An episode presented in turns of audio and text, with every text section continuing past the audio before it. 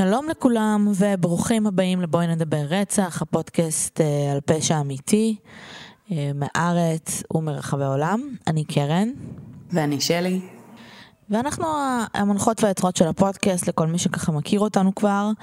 אה, אז ברוכים השבים ולמאזינים שלנו ברוכים המאזינים החדשים סליחה ברוכים הבאים. הגעתם לפודקאסט באווירת סלון קזואלית כשבכל פרק אחת מאיתנו מביאה איזשהו קייס שהיא רוצה לדון בו ובגדול אנחנו דנות בו וזה לוקח אותנו לאן שזה לוקח אותנו. אה, והיום אה, שלי מביאה את הקייס. אמת. כן? כן. אז, אז היום יש לנו קייס שהוא קצת חזרה למקורות. שזה קצת מוזר, פתאום הבנתי שהמון זמן לא עשיתי ריסרצ' על רוצח סדרתי. וואו, נשארו כאלה? אז לא רק שנשארו כאלה, זה רוצח סדרתי שבכלל לא הכרתי. אוקיי. Okay. אז, זה, אז יש עוד כאלה אפילו. אז, אז היום אנחנו בעצם נדבר על um, בחור חמוד מאוד בשם דני קורווין. Mm-hmm. אמ, שבעצם הוא נולד דניאל לי קורווין בספטמבר 58 אמ, למשפחה נוצריה טובה אמ, שהם Presbyterians, אה, זרם אה, בעצם אה, די נפוץ בנצרות. והם חיו בטמפל טקסס, הם, הם קצת עברו מקומות עד שהם התיישבו שם אבל בסופו של דבר הוא גדל בטמפל טקסס. הם היו משפחה של שש נפשות, ההורים פיליפ וננסי אה, במקור הכירו ב upstate ניו יורק, הם הכירו דרך הכנסייה והם היו באמת אה, די אדוקים בה. אה, ומחוברים מאוד ב- לקהילה, לפעילויות שהכנסייה מארגנת, הם היו הרבה פעמים מובילים כל מיני דברים בתוכה והיה להם ארבעה ילדים. הבכורה דבי הייתה בחורה מאוד חברותית ו outgoing ופופולרית היו שני ילדים אה, צעירים יותר, דונה ודייוויד, ובעצם הילד השני היה דניאל לי קורווין, שבעצם כולם קראו לו דני. רגע, רגע, באיזה שנים זה היה? הוא נולד ב-58. אה, אז 60's כזה. הם היו שם ילדים. אה, דני היה ילד טוב, בסך הכל. הוא לא כל כך הצליח בלימודים, בכיתה ג' היה לו קצת קשיי קריאה, אה, כל פעם היה לו כל מיני באמת קשיים, הוא לא היה מאוד מוצלח בלימודים, קיבל ציונים לא כל כך טובים, אבל הוא מאוד אהב את הצופים, והוא אהב לדוג ולצייר, והוא השתתף בהרבה פעילויות חברתיות אה, כאלה ואחרות. הוא שיחק קצת פוטבול, היה משחק pool ו pinball, ב pinball, בכזה מכונות שהיה בתוך ה... כזה מין מרתף משחקים לילדים בכנסייה. אה, היה כזה גם מלמד נערים אחרים לשחק. אה. מרתף משחקים לילדים בכנסייה. כן, זה נשמע creepy, זה פחות creepy. זה נשמע, זה נשמע פדופילי, כן. זה נשמע רע, אבל אה, זה נשמע שבעיקר היו שם רק ילדים. אוקיי. לפחות, כאילו שלא היה שם איזה קריפ. מבוגר, אוקיי. מבוגר שארב להם בסתר. אבל הוא סך הכל הוא היה נער די רגיל.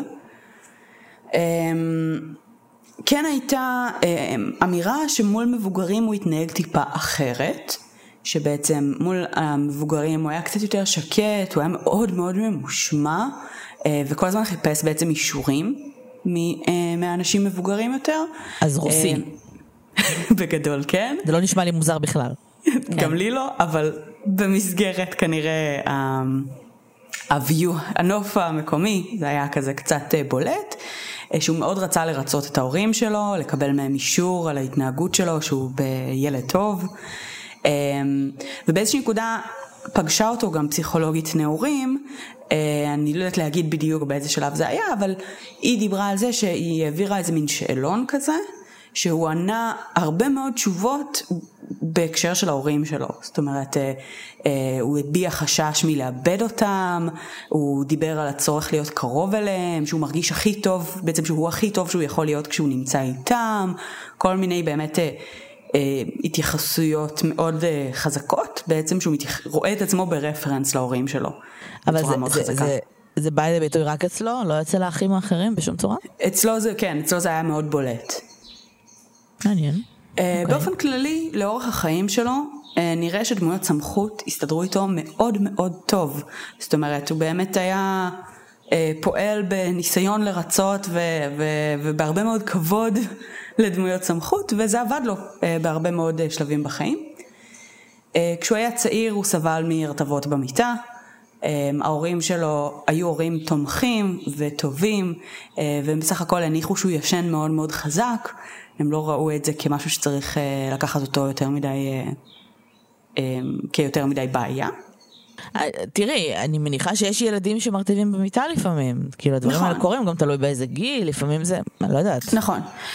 בשילוש מקדונלד בעיקרון, ההתייחסות להרטבה במיטה כמשהו שהוא פתולוגי יותר, היא מעל פעמיים בשבוע ולאורך תקופה של כמה חודשים. זאת אומרת, זה מה שנחשב ממש איזה בעיה גילאים? יותר. אני לא זוכרת. לא, אפשר בסדר. לבדוק. אני אומרת אה, שאני יכולה להבין למה הם לא כאילו התייחסו לזה יותר מדי, אם זה בגילאים אני טיפה יותר צעירים, או ש... זהו, אני חושבת שהכוונה היא מגיל חמש ואילך, משהו כזה, כאילו הגילאים שבהם זה כבר לא אמור לקרות, אוקיי. אה, ולתקופות שהן משמעותיות. זה בדרך כלל דגל אדום לא רק בהקשר של שילוש מקדונלד או. דברים כאלה, זה הרבה פעמים גם דגלים אדומים של משהו עובר על הילד, כאילו, משהו לא בסדר, זה סוג של רגרסיה ש- ש- שלא אמורה לקרות. כן. אז הם, הם לא לקחו את זה מאוד מאוד קשה את העניין הזה, והם אה, בסך הכל אמרו זה בסדר יעבור לו. אמ, והוא די הסתדר עם כולם, אמ, כנער הוא התחיל לעשות גם בייביסיטר לכזה חברים של המשפחה, כאילו ילדים צעירים יותר, הוא הסתדר מאוד טוב גם עם אה, ילדים צעירים יותר, גם עם אנשים מבוגרים יותר. אמ, אבל בגיל ההתבגרות הוא התחיל לפתח בעיות תקשורת, בעיקר עם בנות הגיל שלו. אמ, ובעצם בנות שלמדו איתו בבית ספר דיברו על זה שהוא לא היה מסתכל להם בעיניים, הוא לא היה אומר להם שלום, הוא היה כזה הולך מסביבן, כאילו הוא כזה פשוט לא ידע לחלוטין איך לתקשר עם בנות הגיל שלו, ו- it was weird. זה יצר סיטואציה מאוד awkward. Um, היה סיפורים שהוא התחיל להציץ לנערות uh, מהחלון, uh, זה לא לחלוטין אושש, אז אני לא יודעת להגיד אם זה נכון בוודאות. Uh, וסיפור נוסף שגם לא ברור בוודאות אם הוא אמין או לא, אבל נותן עוד נופח לשילוש מקדונלד, זה שבעצם כשהוא ואחותו הגדולה באיזושהי נקודה רבו על משהו, אז הוא הרג לה את החתול. שזה... כן. בלי אה, קשר שזה- לשימוש מקדונלד, זו תגובה מאוד מאוד קיצונית. כן, גם ומאוד לא חיה מדאיגה. קטנה, כאילו, אני מבינה, זה גם לא טוב, אבל כאילו חיות קטנות, וכאילו זה אחרת. חרקים כאילו. גם חרקים, או דברים- אפילו משהו קטן. לא יודעת, חתול זה חיה או. כאילו, נגיד. שזה גם לא בסדר, כן? אבל כן, זה... לא. זה קשוח. ביונד לא בסדר, זה מדאיג. כן. אה, זה באמת סימן, כאילו שוב, דגל אדום מאוד מאוד גדול. ואת רוצה אה, להגיד לי שעד לרגע זה כאילו לא... לא קרה, כאילו הוא גדל במשפחה נורמטיבית עם האחים שלו, ו... משפחה נורמטיבית, מאוד מאוד ספורטיב, אה, מאוד מוזר. אה, ניסו לעזור לו עם הקשיים אה, שהיו לו בצורות אה, מאוד חיוביות בסך הכל. אה, כמו שאמרתי קודם, הוא כן פגש באיזושהי נקודה פסיכולוגית ילדים, נעורים, זאת אומרת, באמת אה, אווירה מאוד מאוד טובה. אה, אנשים בעיירה שהוא גדל בה דיברו על, ההורים שלו כבאמת אה, אנשים שהצטיירו כהורים מאוד טובים, מאוד תומכים, מאוד פעילים בקהילה וכולי וכולי. והם הם, הם היו בטוחים שהם באמת עושים את מה שטוב בשבילו לאורך התקופה. אמ, ובגיל מאוחר יותר באיזשהו ראיון עיתונאי או משהו כזה הוא ציין שכבר בגיל הנעורים הוא גם התחיל לקיים יחסי מין עם בעלי חיים שוב לא בטוחה לגבי האמינות של המידע הזה אוקיי. אבל אבל זה שם אה, אם הוא התחיל לקיים יחסי מין עם בעלי חיים, זה יכול להסביר את ה awkwardness שלו מול נשים, נגיד? מול נערות בגיל שלו? לא, באמת. בגדול, אמ, לפי אה, ספר שכתב עליו מישהו שבעצם למד איתו בבית ספר, בכיתה, אמ, ושגילה שהוא אה, היה רוצח סדרתי, רק בגלל שהבת שלו בקולג' אמרה לו כזה, היי אבא, ידעת שבגיל שלך היה בטמפל טקסס אה, רוצח סדרתי? ואז הוא כזה, "Hmm, ספרי לי, איך קוראים לו? אה, דני קורווין. ואז הדיוד הזה אמר, מה? הוא, הוא למד איתי היסטוריה. אז, אה, אז בספר אה, The Demon Next Door, הספר שהבחור הזה כתב, אז הוא... הוא אומר שם שבעצם כאילו, הוא כן פיתח עניין במין עם בנות אה, ב- בתחילת גיל הנעורים, 12-13, אבל הוא פשוט כל כך לא ידע איך להתנהל עם זה, שהוא התחיל להסב את זה לכל מיני כיוונים מוזרים אחרים. אז, אה, אז הוא דיבר על זה שכאילו, הוא דיבר בצורה שהיא נורא inappropriate על מיניות. אה, אז וכזה. רגע, הוא למד איתו שהוא היה חבר טוב שלו? זה נשמע לא, כאילו... לא, הוא למד איתו באיזה שיעור אחד והוא אמר אז מה יש לו לכתוב עליו ספר שלם? הוא כתב ספר בעיקרון על, על האירועים אה, שפשוט לא סוקרו כל כך, ואנחנו נגיע לזה תכף, אבל... אוקיי. אה, ובאמצעות מחקר שמישהו אחר בכלל, איזשהו סופר אחר עשה ואז פשוט החליט לא, לא לפרסם. אבל בעצם הוא פשוט הלך והתחקה אחרי הבחור הזה שהוא הכיר מהילדות שלו, ידע על מקרה אחד שבעצם תכף נגיע אליו שהכניס אותו לכלא, אבל לא ידע על, ה, על ההתפתחות ועל ההתגלגלות של הדברים אחר כך, והוא אומר שאחד הדברים היחידים שהוא זוכר מדני הנער, זה שהוא היה יושב בשיעור ומנקה את הציפורניים שלו עם סכין. אמ, שזה כאילו נשמע נורא נור, נור, נורמלי שילד יושב בכיתה ומתעסק עם סכין, אמ, אבל בסדר.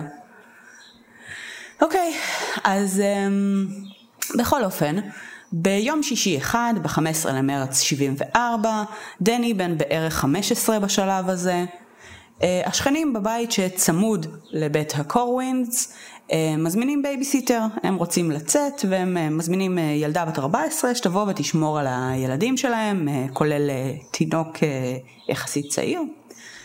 ו... היא מטפלת בתינוק, היא רואה קצת טלוויזיה, היא נמצאת אצלם בבית בזמן שהם לא נמצאים, ובאיזשהו שלב היא כזה קולטת שהדלת של המשהו נפתחה, היא הולכת סוגרת אותה, ואיזה שעה אחר כך היא חולפת בבית בין חדרים, ומתוך חדר השינה פשוט מזנק עליה נער ערום. אוקיי. Okay. מאיים עליה שבעצם אה, אם היא תצעק הוא יהרוג אותה, והוא נמצא עם, הוא, הוא שם עם סכין, הוא דוחף אותה לחדר שינה, אה, פוקד עליה להתפשט, ובעצם חותך חתיכה מהחולצה שלה, דוחף לה את זה לפה כגג, כדי להשתיק אותה. היא אומרת שלאורך האונס היא צעקה וביקשה ממנו להפסיק ואז ניסתה כזה to negotiate ולגרום לו להפסיק ואז חזרה לצעוק וכאילו זאת אומרת היה כל מיני דברים הוא כל הזמן ניסה רק בעיקר ש... להשתיק אותה כאילו רק שלא תעשה רעש. באיזשהו שלב הוא מסיים והיא פשוט קמה תופסת את הבגדים רצה וננעלת בשירותים. את יודעת כאילו בכל זאת. מתחילה להתלבש והיא כאילו מאוד בלחץ ובהיסטריה. ו... וכמה שניות אחרי זה דפיקות רכות נדפקות על הדלת של השירותים והיא בפאניקה מרגישה שהוא יכול לשבור שם את הדלת. זאת אומרת היא מרגישה כאילו שזה אמנם נער והוא כנראה לא כזה חזק אבל בתפיסה שלה באמת אחרי התקיפה הזו היא מבינה שהוא כנראה יצליח להגיע אליה והיא פותחת לו את הדלת ואז אמ, בנימוס הוא מבקש ממנה את החולצה שלו שהיא לקחה בטעות יחד עם הבגדים שלה לשירותים אה, כשהיא רצה לשם. אז היא נותנת לו את החולצה, הוא מתלבש, זו הפעם הראשונה שהיא רואה את הפנים שלו, כי בעצם עד לאותה נקודה הם היו בחושך והיא לא באמת ראתה אותו. אמ, רואה אותם בבירור, מגישה לו את הבגדים, כולם מתלבשים, והוא הולך. לאן הוא הולך? הוא הולך הביתה.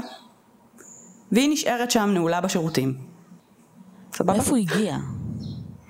הוא הגיע כנראה מאותה הדלת שהייתה פתוחה, והיא ראתה אותה נפתחת בעצם באיזשהו שלב בלילה, והיא הלכה ונעלה אותה. שוב, בית צמוד לבית הקורווינס. כן, כן, כן. אוקיי, מגניב. ההורים שהלכו לצאת ולבלות חוזרים באיזושהי נקודה, מוצאים את הבייביסיטר ההיסטרית נעולה בשירותים, מזעיקים את המשטרה, היא מספרת מה קרה, היא מספרת על האונס,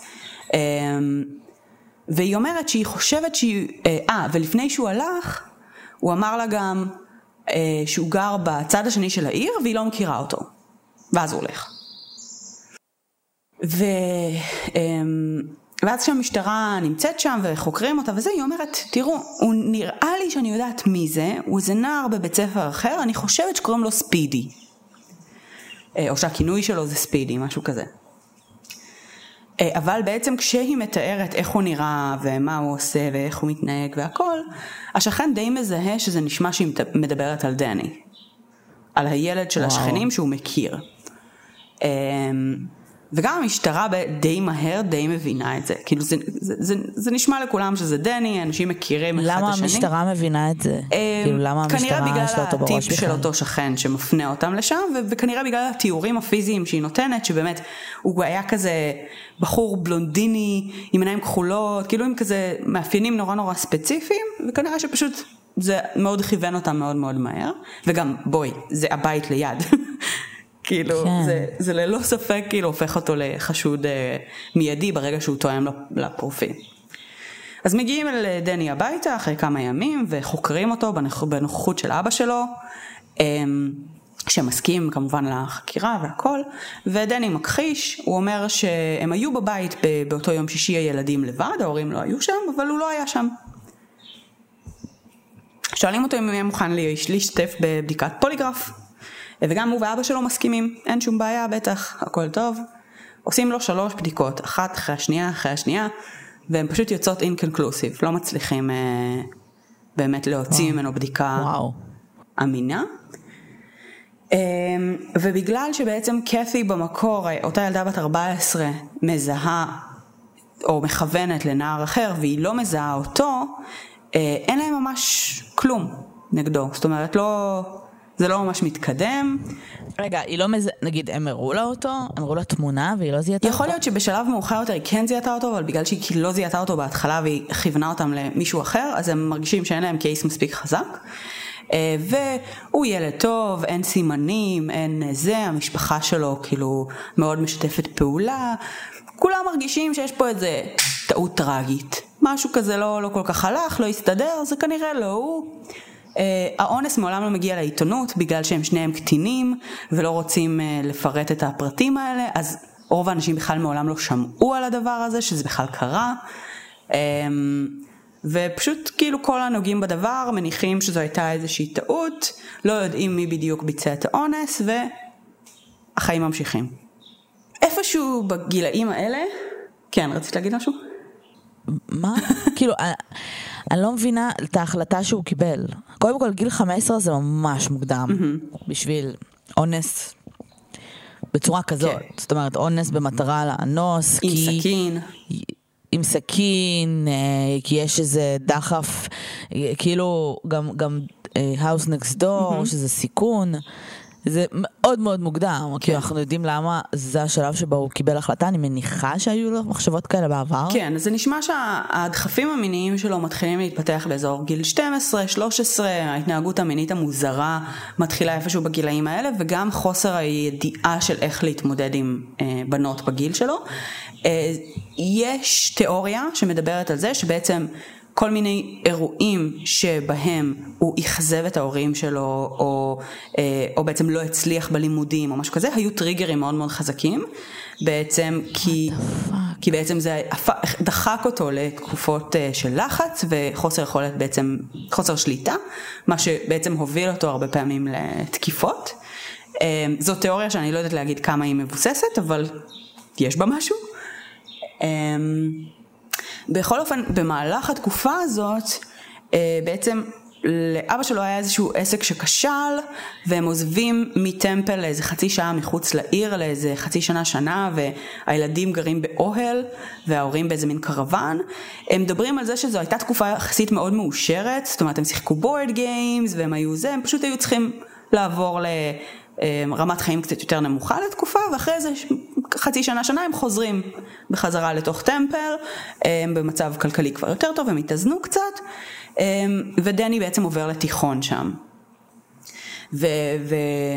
והוא ממש לא מצליח להשתלב בתיכון החדש. זאת אומרת, בבית ספר שהוא היה לפני זה, היו לו קצת חברים, הוא בסך הכל היה כזה בסדר, גם אם הוא היה אוקוורד עם הבנות, ובתיכון החדש באמת הוא לא מצליח להסתדר עם אף אחד, הוא לא ממש מייצר קשר אמיתי עם אף אחד שם, אה, ופוטנציאלית זה מהווה באמת אה, איזושהי דחיפה מסוימת מהמקום שבו הוא ממש לא מוצא את עצמו ולא מצליח להתחבר. ואז בעצם ב-75, כשהוא בן 17, אמ, הוא מקבל איזה אישור לצאת מוקדם מהכיתה, לא משהו מאוד מעניין, יש חניון לבית ספר, ילדים בני 17 בארצות הברית כבר נוהגים, הוא מחכה בחניון בתוך הרכב שלו, כשבעצם איזושהי תלמידה אחרת שגם קיבלה אישור לצאת מוקדם, אה, ניגשת לרכב שלה, לנסוע הביתה, היא מזהה אותו, היא אומרת לו, היי דני, מה אתה עושה כאן? והוא אומר לה, סתם chilling, הכל מגניב. אה, ואז היא כזה, טוב. והיא באה להיכנס לאוטו שלה ולנסוע. אה, ואז הוא ניגש אליה, הוא מאיים עליה בעצם עם סכין. ו, ונכנס לרכב שלה, ובהתחלה היא צוחקת, היא כזה, מה, מה העניינים? כאילו, מה אתה עושה אחי?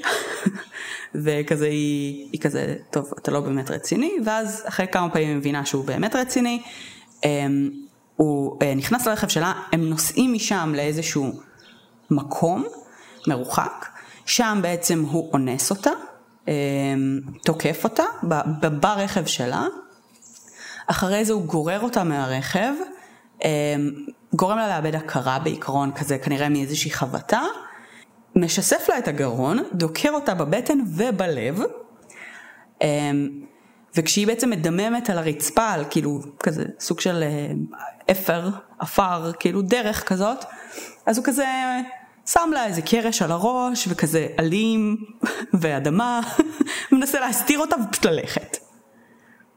סבבה? הגיוני, נכון? בשלב הזה הוא בן 16? 17. זה הרצח הראשון שלו? אה, זה עוד לא רצח. היא איכשהו לא מתה, היא, אבל היא, כן. לפחות בראש שלו זה הרצח הראשון שלו. כן. זאת אומרת, הוא אנס מישהי פעם אחת, הוא אמר לה, אם, לא, כאילו, אם אה, אה, לא תפסיקי לצעוק אני אהרוג אותך, משהו כזה. היא שרדה את האונס, אבל זה הוביל לחקירה מולו ולבעיות, אז בפעם השנייה הוא פשוט החליט לא להשאיר עדה בחיים. כן, זה כאילו, אנחנו מניחות שהמניע שלו הוא האונס? כאילו... כן, okay. אוקיי. כן, האונס והסדיזם המיני שכנראה כלול גם בתקיפה. אמ, אבל איכשהו באמת היא לא מתה, אה, הבחורה הנוכחית ששמה הוא ברנדה אבנס, אמ, והיא מצליחה לגרור את עצמה לכביש הראשי אחרי שהוא אה, הולך. וואו. שם מישהו רואה אותה ועוזר לה, והיא מזהה אותו, כי היא יודעת מי הוא, כי כשהיא יצאה מבית ספר היא אמרה לו, היי דני, מה קורה? וואו. אמ, ובמקרה הספציפי הזה, מן הסתם המשטרה כבר באמת, ממש יש לה את כל מה שהם צריכים, משפט, עניינים, אני עושה פה פסט פורוורד, הוא מקבל 40 שנה בכלא. אחלה, okay. אוקיי. לגיטימי. עכשיו, הכלא בטקסס קצת צפוף, אמ, ואסירים טובים נותנים להם שחרור מוקדם. ודני, כפי שציינו קודם לכן, מגיב מאוד טוב לסמכות. והוא היה אסיר למופת. כמה, כמה מוקדם? Uh, הוא יצא אחרי תשע שנים מהכלא, למרות שהוא בעצם קיבל את ה-40 שנה על חטיפה, אונס וניסיון רצח, זאת אומרת את הפול 9 יארדס, כאילו uh, זה, הוא עדיין משתחרר אחרי תשע שנים, אחרי שבאמת הוא השתלב נורא טוב. השתלב uh, טוב מול הסוהרים, איך לזה הוא השתלב מול אסירים? איכשהו הוא הצליח להסתדר מצוין. כאילו הוא, חברתית. כן, הוא שמר על עצמו בצורה מאוד מאוד טובה, הוא לא נכנס לקטטות, הוא לא היה בבעיות, הוא צבר שם איזשהו מקצוע, הוא עבד שם, ב... למד מכונאות רכב, אה, הוא מאוד מאוד הצליח וראו בו ממש אסיר משוקם לכל דבר ועניין. אמ, ו... ולא ראו שום סיבה להשאיר אותו בכלא. אה, אוקיי. אז, אה, אז משחררים אותו. וכשמשחררים אותו בעצם יש איזה מין הרגשה שהוא אה, אומנם אה, התחיל את החיים שלו קצת באיחור, אבל כאילו הוא חוזר להיות on track, ההרגשה היא באמת של כל מי שסביבו, המשפחה, החברים, שקרה משהו, היה משהו לא בסדר, גם אבחנו אותו, הוא דיבר עם הרבה פסיכולוגים וזה, היה שם איזשהו אבחון אה, שאולי זה היה פסיכוזה או משהו כזה. אה, וזה נראה שהוא כאילו הכל טוב, הוא נרשם ללימודים, אה, הייתה לו חברה, אותה אותה ילדה שהוא עשה עליה בייביסיטר כשהוא היה ילד קטן, כשהוא היה צעיר, אז המשפחות היו מאוד מאוד קרובות, והם הגיעו, היא הגיעה לבקר אותו לאורך השנים בכלא, והם נהיו בעצם זוג, רגע. אחרי שהוא השתחרר, כן. הוא נכנס לכלא בגיל 17, והוא יוצא מהכלא בגיל פחות או יותר 27. נכון, היא הייתה בת 20. המשפחה שלו, החברים שלו, כולם סבבה עם זה שהוא בכלא על fucking אונס ורצח וניסיון לרצח? המשפחה שלו מאוד מאוד תמכה בו, האמינו שבאמת משהו היה לא בסדר, משהו קרה, היה שם איזשהו התקף פסיכוטי, לא בדיוק ידעו מה קרה באירוע הזה, אבל באמת האמינו שהוא שוקם, זאת אומרת שהוא הראה, אה, ההתנהגות שלו נראתה כאילו באמת הוא, הוא בן אדם טוב. ו... והוא משוקם. אוקיי. כן. אה, עכשיו גם העובדה שהוא יצא מהכלא והוא התחיל לצאת עם אותה אה, בחורה בת 20 שבעברה הייתה מי שהיה עושה עליה בייביסיטר, המשפחות היו כל כך קול ביחד והיא הייתה כל כך חלק מהמשפחה והכל היה כל כך טוב אבל מצד שני גם הוא היה המערכת יחסים הרצינית הראשונה שלה אז כל מיני דברים שהיו במערכת יחסים הזו שבדיעבד היום נשמעים לה נורא מוזרים, ואז היא לא הבינה שהם מוזרים. למשל העובדה שהוא היה מזייף אורגזמות, כי הוא לא היה מצליח להגיע לפורקן מיני איתה, אה, ושלא היה להם, היה להם בעיות מיניות. אה, היא ידעה שהוא מזייף אורגזמות? כן. באיזושהי נקודה היא התעמתה איתו על זה ממש, והוא, אמ-, והוא אמר לה שלא תמיד זה, כאילו, לא תמיד זה כולם גומרים והכל בסדר. והיא הייתה מאוד צעירה ותמימה. ו...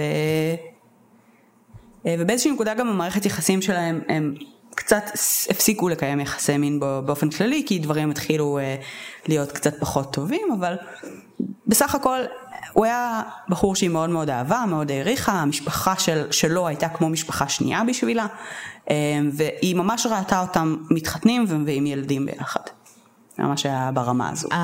החיים המיניים ביניהם היו, אני מניחה, במרכאות נורמטיביים, כאילו הוא לא mm-hmm. כזה... ניסה כן. לשכנע אותה לעשות דברים שהיא פחות זרמה, אני מניחה שלא. ממה שאני נתקלתי, נשמע שלא, שבאמת הוא ניסה לקיים איתה חיי מין אה, שלא כללו אלימות כזו או אחרת. אז פחות עבד בשבילו. כן, פחות עבד בשבילו. אה, עכשיו יש להגיד שבאמת באותה תקופה הלימודים, עבודה, חברה וזה כאילו הכל פרפקט, אה, אבל אה, בסך הכל, כאילו, הוא היה מנותק מהחברה הרבה מאוד שנים, ויש קשיי התאקלמות, יש קשיים, לא עובד לך חלק הכל בלימודים, לא עובד לך חלק הכל בעבודה. אה, ופה בעצם דני התחיל להסתיר מהמשפחה שלו, כי הוא במקום מסוים פחד לאכזב אותם שוב או משהו כזה, הוא התחיל לצבור כל מיני פערים ושם היא גם תפסה אותו על כמה שקרים, אה, בעיקר בעניינים פיננסיים של כאילו נגיד אה, איזה תשלום שהוא היה אמור לשלם והוא אמר לה שהוא שילם, ואז הוא הביא לה אה, הוכחת תשלום שהייתה מאוחרת יותר ממה שהוא אמר, כאילו כל מיני דברים ממש ממש קטנים ואיזוטריים. איזה פערים כאילו הוא חווה נגיד בעבודה, מה, מה זה אומר פערים? אה, באיזושהי נקודה משהו עלה על סרטון במקום עבודה מסוים והוא עזב אותו. והוא לא עבר לעבוד פשוט? במקום אחר, כן, ו- והיא לא ידעה את זה, היא באיזושהי נקודה התקשרה למקום העבודה שלו ואמרו לה אין פה כזה עובד. דברים כאלה. אוקיי. Okay. כן, מאוד נורמלי. Um, עכשיו כשהתחילו להיות באמת יותר קשיים במערכת יחסים שלהם, אחת התיאוריות הייתה שבעצם כל קושי במערכת היחסים, בלימודים ובעבודה, בעצם דחפו אותו יותר ויותר לפינה. Um, ובפברואר uh, 87, כשהוא בן 29, והוא באמת טרי בחוץ יחסית, הוא ממש מתחיל להתקל בקשיים הראשונים שלו כנראה, הוא חוטף אישה בת 72 בשם uh, אליס מרטין, שהיא הולכת הביתה, פשוט. הוא לוקח אותה לאיזה שדה, הוא אונס אותה, דוקר אותה והורג אותה. הפעם הוא לא משאיר אותה בחיים. אמ, חמישה חודשים אחר כך, כאילו במהלך החמישה חודשים האלה הוא כנראה מצליח להחזיק את עצמו, להירגע, להתמודד, להתקיים. חמישה חודשים אחר כך, יולי 87, הוא בעצם תוקף אה, וחוטף צעירה בת 29 בשם דברה לין, אה, גם אונס, דוקר, והורג אותה. מה הקטע של הכאילו גילאים בוויקטימולוגיה? אני חושבת שהבחורה בת ה-72 היא החריגה, אה, והיא הראשונה פשוט אחרי שהוא יוצא מהכלא. אז נראה לי שהוא יותר, אה, זאת אומרת, היה יותר חששן קצת, היה קצת פחות בטוח בעצמו, אבל אחרי זה הגילאים שלהם הם הרבה פחות רחוק, כאילו קיצוניים. עוד ארבעה חודשים אחר כך עוברים, והוא תוקף בעצם באוקטובר 87 את מארי קרל אה, בשטיפת מכוניות.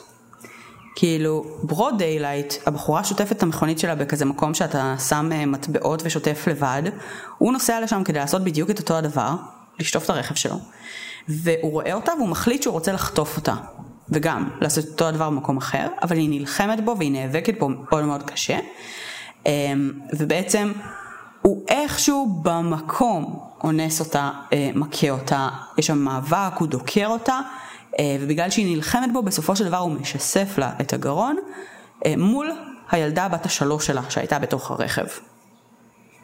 בשטיפת מכוניות. בשטיפת מכוניות. broad daylight. אני מבינה שהוא נגיד רצה לחטוף אותה והוא לא הצליח, אבל זה מצחיק, הייתי חושבת שהוא היה פה, כאילו מוותר על הטקס של האונס ופשוט הורג אותה. כאילו נטו בקטע של לידה, אבל הוא עושה את כל הטקס בשטיפת כן. מכוניות. איזה, איפה יותר- אנחנו? בטקסס. כן. אוקיי.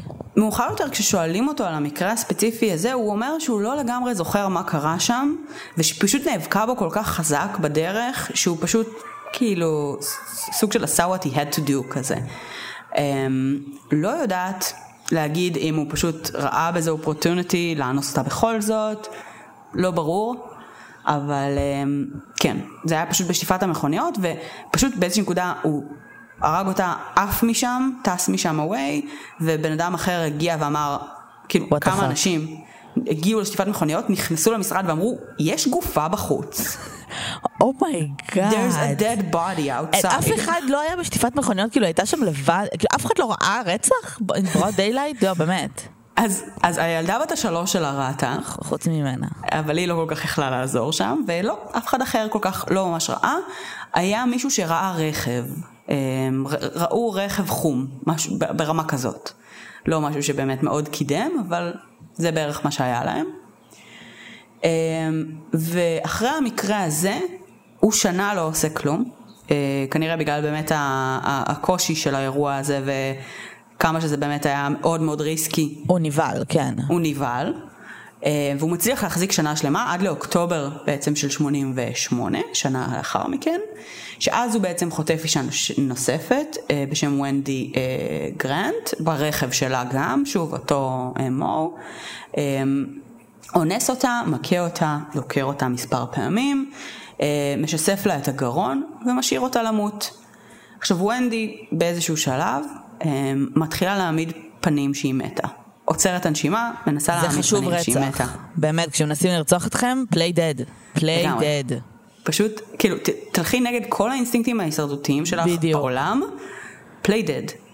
אה, וזה עובד, זה הוא עובד. הולך, הוא חושב שהיא מתה, אה, ואז כשהוא הולך, היא מצליחה לשחרר את הידיים שלה מהקשירה שהוא קשר אותה, מצליחה לגרור את עצמה לכביש, ושם מישהו רואה אותה, איזשהו נהג, ומזמין אה, משטרה ועזרה. בשלב הזה אה, המשטרה חוקרת את המקרים, הם יודעים, כאילו הם, הם מניחים שיש קשר בין הקייסים ושיש רוצח. סדרתי או שלא? אני לא יודעת אם הם מניחים את זה, אנחנו ב-87-88, יכול זה, מאוד זה, להיות. זה אחרי בנדי, כאילו אנחנו בשלב שבו נכון. זה דווקא חזק, כאילו אנשים זה מדברים על שלב זה. שבו מכירים את זה, אבל עוד לא לגמרי יודעים איך להתמודד עם זה. אמ, אני לא יודעת להגיד, אני חושבת שבחנו אותם כרגע כל קייס בנפרד, אה, ולא באמת קישרו אותם ביחד, אבל, אמ, אבל הם בהחלט היו בחקירה ופשוט לא היה להם יותר מדי לידס. אבל אמ, חברתנו ונדי, שהתקיפה הזאת הייתה מאוד מאוד אגרסיבית עליה, והיא בזמן שהיא הייתה בבית חולים, היא לא יכלה לדבר. הגרון שלה שוסף כל כך, אה, כל. כך עמוק, שהיא לא יכלה לדבר. ברור. הביאו אה, בעצם אה, אמנית קלסטרונים פורנזית, שפשוט ישבה ודיברה איתה במשך שעות, ובכתיבה ובשאלות של כן ולא שהיא הנהנה בהן, הם ציירו קלסטרון, שבעצם הקלסטרון הזה הצליח להיות כל כך מדויק ברמת העטים בכיס וברמת ה... הכל מאוד מאוד מאוד מאוד מדויק, שאיש, אה, אני לא לגמרי הבנתי אם זה היה איש משטרה או בעצם קצין בכלא שהוא היה בו או משהו כזה, מזהה אותו מהפרסומים בערוץ חדשות המקומי, פשוט מזהה את דני. רגע, בשלב הזה דני יודע שהיא נשארה בחיים? הוא יודע שיש כרגע עדה? הוא יודע שהוא רואה את הקלסטרון ש- של עצמו? כנראה שבשלב הראשוני הוא לא יודע, אבל כשמתחילים לפרסם את הקלסטרון שלו, כנראה שהוא כן, אבל אני לא יודעת להגיד כמה הוא ישב וראה כן. את ערוץ החדשות המקומי הזה, אה, וממש I מהר would מזהים think אותו. שאתה רוצח סדרתי אתה תצפה בחדשות, כי אולי. כנראה שאנשים יחקרו את הפשעים שלך, את יודעת. אולי, כן. בכל אופן, מזהים אותו כל כך מהר, אה, הקלסטרון הזה כל כך מדויק, ותחשבי איזה מטורף זה שזה קלסטרון שצויר על ידי עדה שלא יכולה לדבר. כאילו, יש לנו מדהים. תמונה של הקלסטרון? כן. אוקיי. כן, אני אשלח לך. אה, נעלה את זה גם בפרק. מטורף לגמרי, מזהים אותו, אה, מפנים בעצם אותו אה, איש אה, שירות כזה או אחר, אה, מפנה את השוטרים לדני, ו, וגם יש איזשהו טיפ מאחת הרציחות הקודמות, שלא הספיקו עדיין לבדוק אותו, שגם הפנה לדני, כי היה לו רכב חום והיה לו איזשהו חתך על היד אחרי התקיפה של, של הבחורה בקרווש. אמ, וגם מישהו חשד בו בצורה כזו או אחרת, אבל לא באמת הגיעו לטיפ הזה בשום שלב. אמ, ואחרי שבעצם מפנים לדני גם את הזרקור, אז המשטרה גם מצליחה לחלץ טביעת אצבע מהדלת של ונדי, אה, שתואמת לדני, ופה הם באמת אה, מבחינתם סוגרים את הפינה. בהתחלה הוא מכחיש הכל, הוא לא משתף פעולה, הוא אומר אה, מה פתאום, מה פתאום, באיזושהי נקודה, הוא בשלב הזה חי עם הבת זוג שלו עדיין? אה, לא, לדעתי כבר לא. נפרדו, הוא חי לבד. לדעתי, או שהם היו כזה בשלבי פרידה, או שהם כבר נפרדו. אמ, בהתחלה הוא מכחיש, ובאמת באיזשהו שלב איזשהו חוקר אומר לו, טוב די אחי, כאילו אני, אני יודע שאתה רצחת אה, גם את זאת וגם את זאת וגם את זאת, וכאילו בשלב הזה כבר באמת אה, מייחסים אליו אה, זה, אה, והוא אומר, כן, עשיתי את זה, אבל אני לא זוכר בדיוק מה קרה שם, ואז הם אומרים לו, אין בעיה, בוא ניקח אותך למקומות האלה ותנסה להיזכר, אז לקחו אותו, ואז הוא באמת הודה בהרבה מאוד דברים ו- וסיפר מה קרה בהם. אמ, והוא נשפט והוא מודה, אה, הוא מודה במהלך המשפט גם על האונס של הבייביסיטר, שהיה וואו. כשהוא היה בן 15, אה, וגם היא בעצם מובאת למשפט הזה כעדה. בעצם זה היה אחד המשפטים הראשונים בטקסס שבו היה אפשר לשפוט אה, רוצח על אה, רוצח סדרתי על מספר פשעים במשפט אחד שזה מסתבר משהו שקיים או היה קיים. אה, אז פשוט שפטו אותו על כל הפשעים שלו בבת אחת ולכן גם אותה הביאו אה, מגיל 14-15 אה, והוא באמת אה, נמצא אשם ומקבל אה, עונש מוות באמצעות זריקה, וב-98 הוא מוצא להורג. אחד הדברים המוזרים שאני נתקלתי בהם בקייס הזה, זה שהקורבנות ומשפחות הקורבנות שלו, הילדה של אה, זאת שהוא רצח, וזה, כל מיני, כאילו, אימא של מישהי שהוא רצח, כל מיני כאלה, אה, ביקשו לי כזה סוג של להתעמת איתו, והוא הסכים כזה להיפגש ולדבר איתו ולשמוע ממנו למה הוא עשה את זה או משהו כזה. אה, והוא מספר שבעצם אה, הוא לא יודע למה הוא עשה את זה וכזה הוא לא, הוא, הוא נורא ניסה שלא, הוא אומר שכשהוא הלך לכלא אה, הבטיחו לו שיעזרו לו ויטפלו בו והוא אובחן אה, במשהו שהוא סוג של סכיזופרניה דאז, וכל פעם שהוא דיבר על הפנטזיות האלימות שלו, או משהו כזה עם, עם פסיכולוגים ופסיכיאטרים, אז פשוט נתנו לו יותר כדורים, אה, וזה לא כל כך עשה שום דבר, והוא קצת איבד את האמון שלו מבחינת אה, המערכת הטיפולית, והיכולת בעצם לשקם אותו ברמה הטיפולית, ואז הוא ניסה לשקם את עצמו, והוא נורא לא הצליח, והוא גם נאנס בכלא בעצמו, וזה גם דפק אותו, וכאילו, הוא כל הזמן כזה ניסה מאוד אה, אה, להגיד ש... הוא לא יודע למה זה קרה, הוא לא מבין אה, למה, הוא ניסה לטפל בעצמו וכל דרך שהוא ניסה פשוט לא עבדה. זהו, that's the story. אוקיי, לא הכרתי אותו. גם אני לא, איזה קטע. אמ, אני כאילו גם לא הצלחתי למצוא אותו בגוגל בזמן שדיברת, זה ממש מטריד אותי. נכון, אין עליו הרבה, אה, אני שמעתי עליו את הספר הזה, יש עליו פרק בפורנזיק פיילס, ויש אותו, כאילו יש לו עמוד בוויקיפדיה, אבל הוא די מצומצם, אה, וזהו.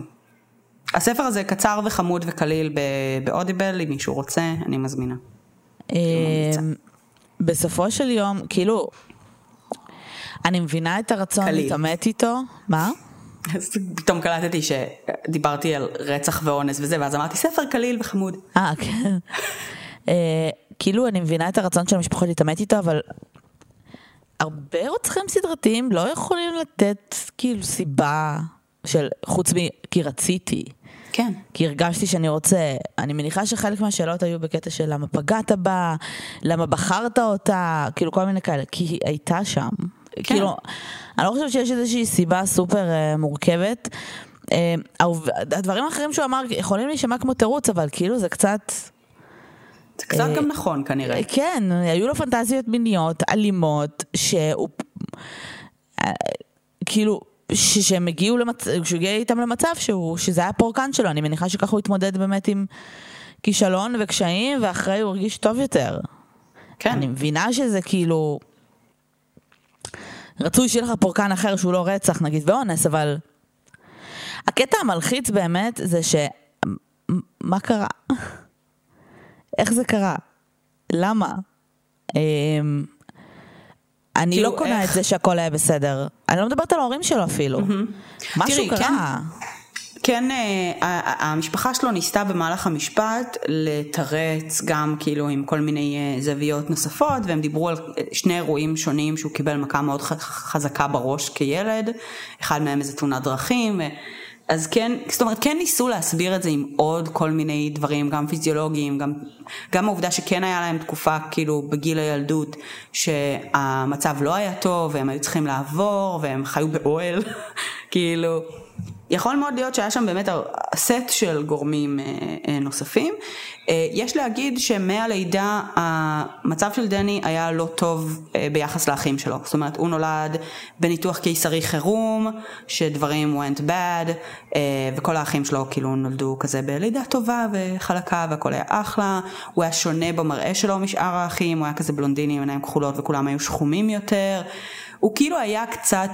שונה ביחס למשפחה שלו from day one, אה, והוא לא ידע להגיד למה, אבל זה כן משהו שכזה, בתכנים עליו נשמעים, שכאילו כזה, ש, שיש פה גם גורמים בעצם אה, גנטיים, גם כאילו דברים של בעצם תולדה וגם דברים של סביבה, שכאילו ששניהם ביחד איכשהו הובילו אותו.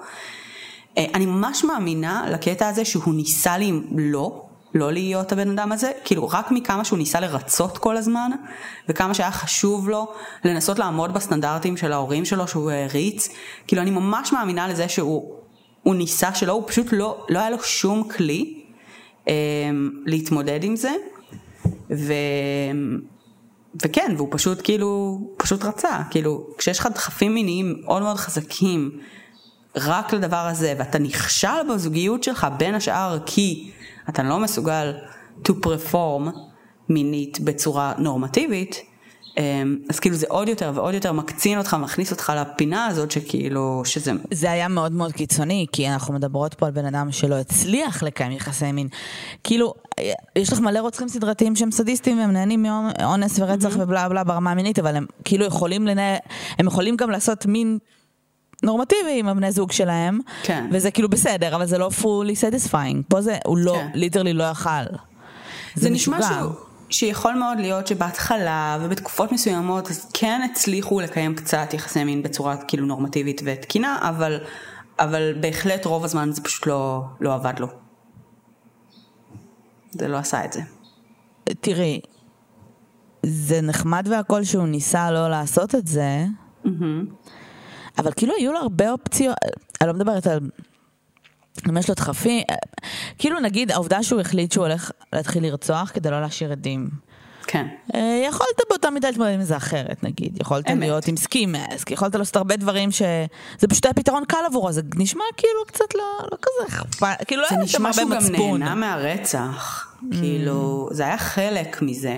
בדיוק כמו שתיארו את העובדה שהוא, ושוב, אנחנו לא יודעים אם זה, כמה זה מדויק, אבל שהוא בעצם גם אה, כאילו הרג בעלי חיים, קיים יחסי מינים, כאילו זה נשמע לי שהאקט האלים ככללותו אה, הוא חלק מהפנטזיה המינית שלו, אז לדעתי הרצח זה חלק מזה. זה שזה היה תועלתני גם כדי שלא יהיו עדים, זה לדעתי פשוט היה בנפיט. אוקיי. Okay.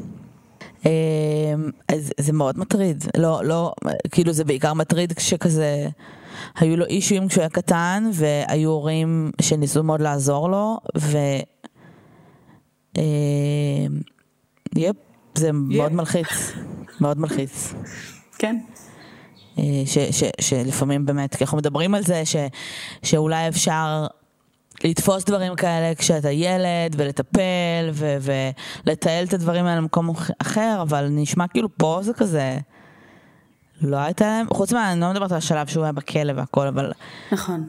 בילדות תראי, שלו... זה גם שנים, זה שנים אה, שבהם היה קצת יותר מודעות, כאילו פחות מודעות, אמנם נגיד שילוש מקדונלד זה משהו שיצא ב-63, כן? אז כאילו, זה כן דברים שכבר היו קיימים אז, אבל אני חושבת שברמת, אה, את יודעת, טיפול בבני נוער ואנשים צעירים שכאילו באים עם, לא יודעת, כאילו, עם, עם סט של פנטזיות מיניות כאלה, אני, אני חושבת שבאמת היום אולי היה כלים קצת יותר טובים להתמודד איתו. אמ, אבל לא יודעת אם מספיק. כאילו גם התחיל את. במרכאות הקריירה שלו בגיל 15, זה מאוד מאוד מאוד מוקדם, זה כאילו משוגע. אמ, בסדר, אבל בשלב הזה אני מניחה שהם גם לא... טוב, הם לא ידעו שזה הוא. אה, וזה גם הסלים לרצח נורא מהר. נכון. נורא מהר. אחרי פעם אחת. אחרי פעמיים. בעצם, לא. אה, בפעם השנייה הוא כאילו ניסה לרצוח כבר. כן, כן, נכון. כבר היה לו ברור שזה הריטואל נכון. שלו. כן. אה, טוב. נחמד, נחמד לחזור למקורות. לגמרי. היה, אה, היה קטע. אז הטיפ היחידי שיש לנו היום זה פליי דד. כשמנסים לרצוח. אתכם. וואו, לגמרי. אלף אחוז. אם יש אופציה כזאת, תעשו את זה. לא מבינה איך אנשים מצליחים לעצור את הנשימה וכאלה, אתה בטח בפרנזי, כאילו, ויש לך אדרנלין גם, כאילו, זה בטח טירוף. כן. אבל תנסו. כן, זה יכול להציל לכם את החיים. תשמעי, זה נשמע שגם הבחורה הזאת הייתה בדס רצח, אמ, לפי, לפי הסיפורים של כאילו, שבבית חולים, כשהפורנזיק ארטיסט שואלת אותה כזה אחרי כמה שעות, טוב, את עייפה, את רוצה לנוח, והיא כזה, אין לי משהו יותר טוב לעשות, בואי נמשיך, כאילו, נשמעת. ממש ממש, כן, היא נשמעת מאוד בדס, והעובדה שהיא הצליחה לעצור את הנשימה שלה, כאילו, אני לא יודעת, אני באמת לא יודעת איך עשה את זה. אה, טוב, טוב. אז אה, משהו להוסיף? אה, לא, play dead, ושיהיה לכם בהצלחה. כאן. אז uh, תודה שהאזנתם, כרגיל, שיהיה לכם שבוע טוב וקל ונעים. אנחנו נמצאות בפייסבוק, בבוא נדבר רצח פודקאסט, בקבוצה שלנו בוא נדבר רצח ופשע אמיתי. באינסטגרם, בטוויטר, דברו איתנו, תספרו לנו מה חשבתם על הפרק ועל הקייס, אם הכרתם אותו, אני בחיים בחיים לא שמעתי אותו. Uh, וזהו, ותודה שהאזנתם, נשתמע בשבוע הבא. ביי. ביי יוש.